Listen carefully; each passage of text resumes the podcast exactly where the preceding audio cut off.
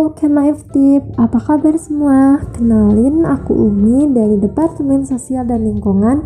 Kembali lagi di podcast Sasling Seperti biasa, kita akan berbagi cerita tentang perayaan hari besar di ranah sosial dan lingkungan yang dibuat oleh Departemen Sosial dan Lingkungan BEM Kema Tip 2021 Kabinet Suara Karya Universitas Pajajaran untuk seluruh audiens, aku ucapkan selamat datang di podcast Hasling di episode kedua.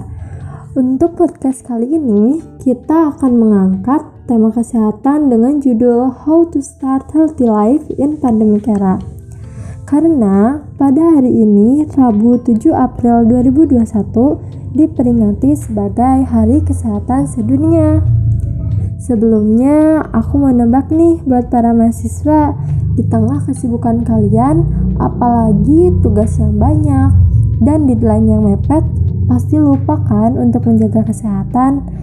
Wah, itu bahaya banget sih. Selain mengganggu kesehatan fisik, pasti kesehatan mental kalian juga nggak karuan kan? Nah, tenang, jangan panik.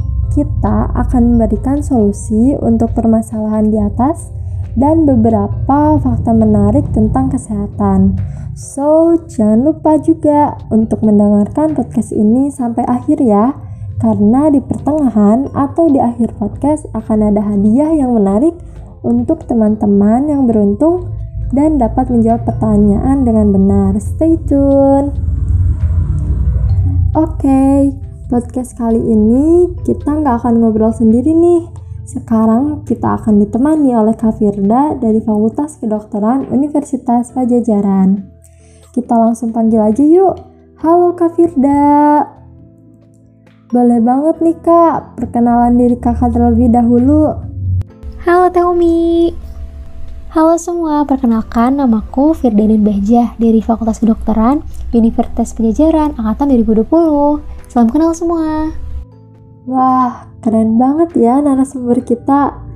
Nah, sekarang aku mau nanya nih kak, kan hari ini kita memperingati Hari Kesehatan Sedunia.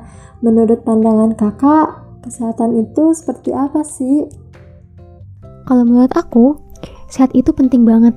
Sebelumnya nih, apa sih makna sehat? Kalau menurut WHO, sehat itu memiliki cakupan yang sangat luas, yaitu keadaan yang sempurna baik fisik, mental maupun sosial. Jadi nggak cuma terbebas dari penyakit atau suatu kelemahan atau cacat. Jadi sebenarnya saya itu bukan cuma fisik doang loh teman-teman. Selain itu mental juga penting dan juga sosial. Selama pandemi, ya pokoknya banyakin sosialisasi aja deh, bisa chatan, kan kita makhluk sosial. Jangan ansos ya. Nah, sehat itu penting harus dimiliki oleh kita sebagai makhluk hidup untuk dapat beraktivitas. Tanpa sehat, pas kita sulit kan untuk melakukan produktivitas jadi kita harus istirahat seharian misalnya jadi nggak bisa kerja nggak bisa kuliah. Terus juga harus perlu konsumsi obat-obatan dan perlu banyak biaya. Ini kan juga nguras waktu ya buat kita jadi sehat lagi biar bisa aktivitas. Terutama di masa pandemi pasti teman-teman kan harus di rumah nih. Kalau bisa sebisa mungkin deh jaga kesehatan harus banget ngulangin waktu misalnya buat olahraga atau buat istirahat. Jangan dipaksa begadang terus nanti berarti sakit. Saya juga kan kalau misalnya kalian sakit tugas-tugasnya terbengkalai dan jadinya mundur terus. Nah, biasanya itu kan sakit itu kan faktor utamanya karena pola hidup yang kurang baik kan. Bener gak? Bener gak? Sebenarnya banyak sih yang berpendapat orang itu hidup yang penting bahagia. Tapi emang bener ya, kalau sakit kita bakal bahagia. Wah, kalau menurut aku kita harus sehat dan harus bahagia gak sih kak? Tapi e, dari penjelasan Kak Firda, aku simpulin bahwa sehat itu hal yang paling berharga ya kak. Nah, sekarang aku mau nanya nih Kak, kenapa pada tanggal 7 April ini kita memperingati Hari Kesehatan Sedunia? Apa sih latar belakang adanya hari tersebut? Wah, menarik nih, Hari Kesehatan ya? Oke, berhubung aku bukan bagian dari WHO, di sini aku paparin aja ya hal yang berkaitan tentang Hari Kesehatan dari situs resmi WHO. Jadi pada awalnya, pada tahun 1948, diadakanlah pertemuan kesehatan di dunia untuk pertama kalinya dan hasil rapatnya harus diadakan Hari Kesehatan Sedunia. Tujuannya untuk meningkatkan kesadaran global tentang tema-tema khusus yang berbeda setiap tahunnya tentang kesehatan. Maka, sejak tahun 1950, Hari Kesehatan Sedunia diperingati pada tanggal 7 April setiap tahunnya. Bentuk kontribusi WHO dalam memperingati Hari Kesehatan ini adalah dengan meluncurkan program jangka panjang atau permasalahan kesehatan yang sesuai dan relate dengan kebutuhan. Gitu. Wah, jadi sedikit belajar sejarah juga ya, Kak. Nah, teman-teman, jadi intinya adanya Hari Kesehatan Sedunia ini untuk meningkatkan kesadaran global yang bersangkutan dengan kesehatan nih. Oh iya kak, tadi kalau aku gak salah dengar, Katanya WHO akan meluncurkan program atau tema di setiap tahunnya ya. Nah, kira-kira kakak tahu gak di tahun ini tema apa yang diusung WHO? Yap, bener banget ya Umi. Untuk tahun ini, WHO mengambil tema tentang membangun dunia yang lebih adil dan lebih sehat untuk semua orang. Faktor utamanya muncul ya lagi-lagi karena pandemi COVID-19 kan, yang jadi buah bibir pembicaraan nih dan belum selesai sampai sekarang. Menyebarnya penyakit ini menimbulkan ketidakadilan karena masih terdapat loh kesenjangan pelayanan kesehatan. Jadi nih ada beberapa kelompok yang mendapatkan akses pelayanan kesehatan dengan penunjang hidup yang lebih mudah karena tingkat pendapatannya, ketahanan pangannya, dan juga yang lainnya. Sedangkan masih ada nih sebagian kelompok lain yang sedang berjuang untuk mendapatkan hak pelayanan kesehatannya. Padahal kita tahu kan ya, hak pelayanan kesehatan ini kan sebagai bentuk dari human rights, yaitu right to health. Sedih banget kan kalau misalnya ada beberapa orang nih yang bisa dapat pelayanan kesehatan tapi ada juga yang ternyata mereka terlupakan gitu bahkan masih banyak beberapa negara lain yang kesulitan untuk mendapatkan pelayanan kesehatan di tengah pandemi ini sedih banget ya semoga cepat pulih ya dunia ini Wah, ternyata adanya pandemi ini banyak merugikan orang-orang ya kak. Setelah mendengar cerita kakak, jujur aku ngerasa sedih banget sih. Semoga pandemi ini bisa terselesaikan dengan cepat ya teman-teman. Nah, kan tadi kakak sempat menyinggung adanya ketidakadilan pelayanan kesehatan di masa pandemi ini. Kira-kira menurut kakak, alasan terjadinya ketidakadilan tersebut kenapa ya kak? Ketidakadilan pelayanan kesehatan ini sebenarnya berakar pula sih dari ketimpangan sosial yang pasti jadi pembahasan yang tidak ada habis-habisnya. Oleh karena itu, WHO ingin mengimbau kepada para pemimpin wajib memastikan bahwa setiap orang, warganya, harus memiliki kondisi hidup dan juga kerja yang kondusif untuk kesehatan yang baik. WHO juga bertujuan untuk mendesak pemimpin agar dapat memantau ketidakadilan di ranah kesehatan ini di setiap masing-masing negaranya. Wah, berarti pemerintah sangat berperan penting dong ya kak. Nah, aku mau nanya nih kak, terkait langkah-langkah apa saja sih program pemerintah yang dilakukan untuk di masa pandemi ini? Yap, bener banget teh. Nah, langkah pemerintah ini penting untuk mendukung kampanye WHO. Sebagaimana dunia memang butuh langkah pemimpin yang satu, dapat bekerja sama dengan pemerintah dan masyarakat yang terkena dampaknya. Yang kedua, yang mampu mengumpulkan data kesehatan yang tepat dan dapat diandalkan dan relevan dengan konteks nasional. Yang ketiga, yang dapat mengatasi ketidakadilan dan mengadopsi untuk mencari tahu akar penyebab dari ketidakadilan ini. Dan yang keempat, pemimpin yang dapat melampaui batas. Maksudnya nih, dapat bertindak sampai ke batas negara untuk menyelesaikan masalah pandemi secara global dan juga ketidakadilan juga dapat ditangani. Nah, itu dia 4 poin langkah pemimpin yang dibutuhkan di dunia. Semoga para pemimpin ini mampu ya mencapai poin-poin tersebut sebagaimana untuk membentuk dunia yang lebih baik dan juga kesan yang lebih baik pula. Udah keren banget nih langkah-langkah yang telah dibuat oleh pemerintah. Semoga bumi kita cepat membaik ya teman-teman agar kita bisa hidup normal kembali seperti sedia kala. Nah, berhubung sekarang masih di masa pandemi, ada gak sih tips dari kakak agar kita bisa mengatur pola hidup yang baik dan sehat? Karena jujur aku sendiri belum bisa jaga pola hidup sehat nih kak. Masih sering telat makan, tidur nggak teratur, jarang olahraga, apalagi sekarang banyak banget tugas yang numpuk. Nah, kira-kira menurut kakak, gimana sih mengatur pola hidup sehat di tengah banyaknya kesibukan perkuliahan? ya ampun, oke okay, oke. Okay. Ini kayak permasalahan yang mungkin mayoritas kita rasain gak sih? Aku pun masih kadang-kadang ngerasain hal itu juga. Mungkin juga para pendengar di sini ngerasain hal itu juga atau mungkin lagi ngerasain nih sekarang sebenarnya yang paling utama kalian itu harus peduli sama tubuh kalian karena kan tubuh kalian cuma satu nih kalau misalnya tubuh kalian sakit atau misalnya kenapa-napa yang tanggung jawab kan kalian juga ya malah kalian nggak bisa ngajarin itu dan juga tugas kalian bisa jadi tadi diundur gitu sebenarnya kesalahan itu bisa didapat ketika kalian dan tubuh kalian tuh punya hubungan yang baik dan peka gitu kalau misalnya kalian peka sama tubuh kalian, kalau misalnya tidak bisa apa-apa atau problem, pasti kalian sadar nih, oh kayaknya ada bermasalah sama tubuhku nih. Nah, kalau misalnya kalian kasihan nih sama tubuh kalian, coba deh setiap aktivitas disisipin kalau hidup yang sehat. Misalnya nih, oke okay, kasusnya kayak gini. Mungkin ini paling sering ya, yang sering aku lihat dan mungkin aku mungkin pernah sih ngeliatin kayak gini. Nugas-nugas tengah malam, terus karena lapar yang malam-malam jadi kita ngemil. Ngemilnya makan makanannya tuh yang gak sehat deh kayak makan makan ringan terus habis itu minum kopi. Habis itu ngedini sambil rebahan gitu deh.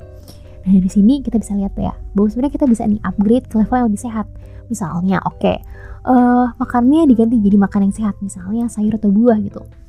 Terus kalau untuk kopi jadi kita bisa ganti kopinya jadi yang lain misalnya jadi air putih atau jus gitu karena kan kopi mengandung kafein ya. Kafein itu sebenarnya kurang baik juga buat tubuh karena uh, mengandung zat adiktif juga dan bisa mempengaruhi nih dari tidurnya juga jadi susah tidur gitu. Nah kalau misalnya ngantuk tidur aja sebenarnya. Karena sebenarnya kalau misalnya kalian paksain belajar itu biasanya lebih kayak nggak produktif gitu. Jadi pusing itu lah kepalanya sebenarnya gitu. Terus kalau bisa kalau ngerjain tugas posisinya tuh ergonomis. Jadi uh, jangan rebahan atau misalnya tungkup gitu. Enaknya duduk di atas kursi terus ya matanya juga istilahnya ada jeda gitu loh. Misalnya setiap 20 menit ada namanya rules of 20 nih. Jadi kalian harus memberikan jeda setiap 20 menit selama 20 detik. Ngeliat benda sejauh 20 kaki atau 6 meter. Itu sebenarnya kalau misalnya kalian biasain itu baik banget buat mata kalian. Karena ngerasa gak sih? Kayak sekarang tuh pasti kita screen time tuh kayak bisa ya 10 jam ke atas gitu. Karena ngerjain tugas tugas tugas gitu kan. Nah terus kalau bisa uh, ini sih bagian paling pentingnya adalah begadangnya. Mungkin ya siapa yang belum pernah begadang gitu kan? Mungkin rasanya sebenarnya normal ya kayak dianggapnya normal. Tapi sebenarnya kalau misalnya ini dilakukan terus menerus ini bahaya banget karena dapat menyebabkan faktor resiko. Stroke itu meningkat. Jadi bisa sebenarnya kalian biasain karena kan misalnya tidur ini kan normalnya 8 jam ya. 6 sampai 8 jam. Sebenarnya kadang kan kita kayak tidur segitu juga tapi misalnya kita tidurnya tuh malam sampai pagi gitu bangunnya juga malah siang gitu padahal sebenarnya bisa loh kalau misalnya kita tidur misalnya tidur jam 9 deh gitu. Terus kita bangunnya mungkin jam 3 atau jam 4 gitu atau nggak pagi-pagi. Itu bakal lebih fresh lagi dan ngerjain soal tugasnya juga kayak lebih enak gitu plong gitu rasanya. Karena kalau malam-malam itu kan istilahnya waktu buat regenerasi sel-sel ya dan juga otak kita juga istirahat gitu. Kalau misalnya kita mengganti waktu tidur tuh nanti irama sirkadiannya atau pola tidurnya tuh jadi bakal gitu terus gitu dan akhirnya juga kita malah jadi kebiasaan tidur pagi malah jadi tidur cepat. Jadi kalau bisa sih uh, dikurang-kurangin. Karena kan susah ya kayak tiba-tiba eh, nggak uh, begadang sama sekali gitu. Mungkin tapi nih kadang masalahnya ya ada yang begadang tapi scroll scroll timeline nih. Bukan belajar atau bukan apa gitu loh. Jadinya kan dibanding kalian melakukan hal itu. Kayak enaknya tuh tidur aja. Jadi kapan lagi sih kalian tidur cepet gitu? Kalau misalnya bener-bener nggak ada hal yang urgent. Jadi oke okay, kalau misalnya begadang asal itu tadi uh, jangan sering-sering dan pastiin bukan hal-hal yang istilahnya bukan buang waktu lah gitu.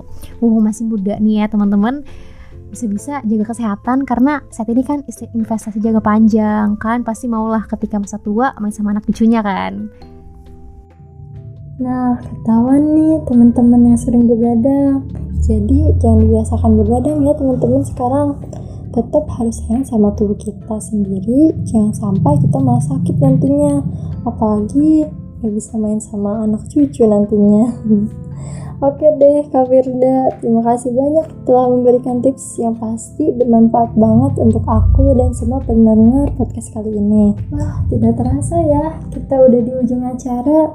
Tapi sebelumnya, kita akan ucapkan terima kasih terlebih dahulu kepada Kak Firda karena sudah mau menyempatkan waktunya mengisi podcast Departemen Sosial dan Lingkungan BMKM FT 2021.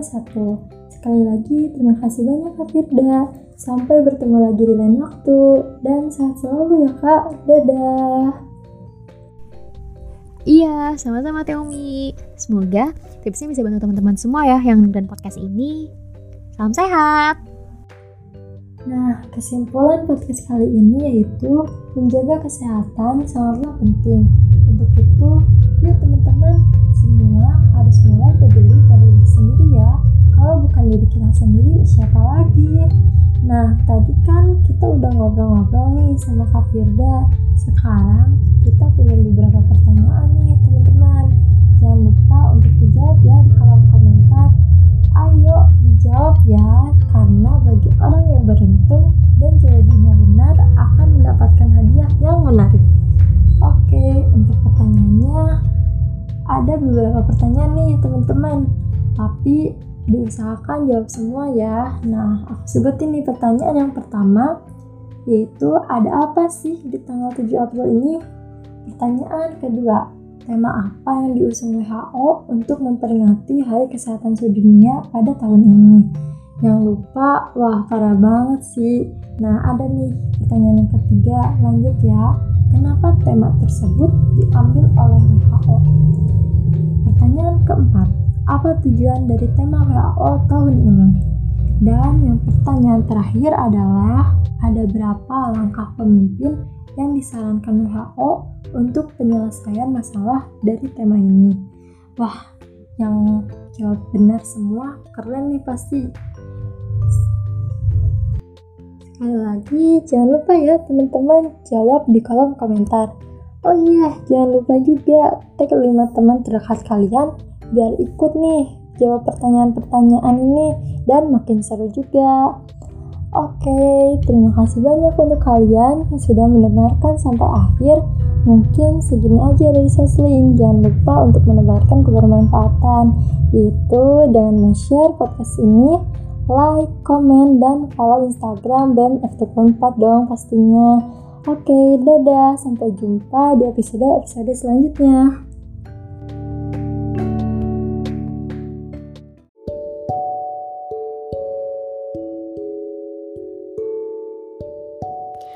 Halo, selamat malam semua. Kembali lagi dengan podcast saya. Di malam ini kami akan menemani Anda untuk tidur sampai ke mimpi-mimpinya.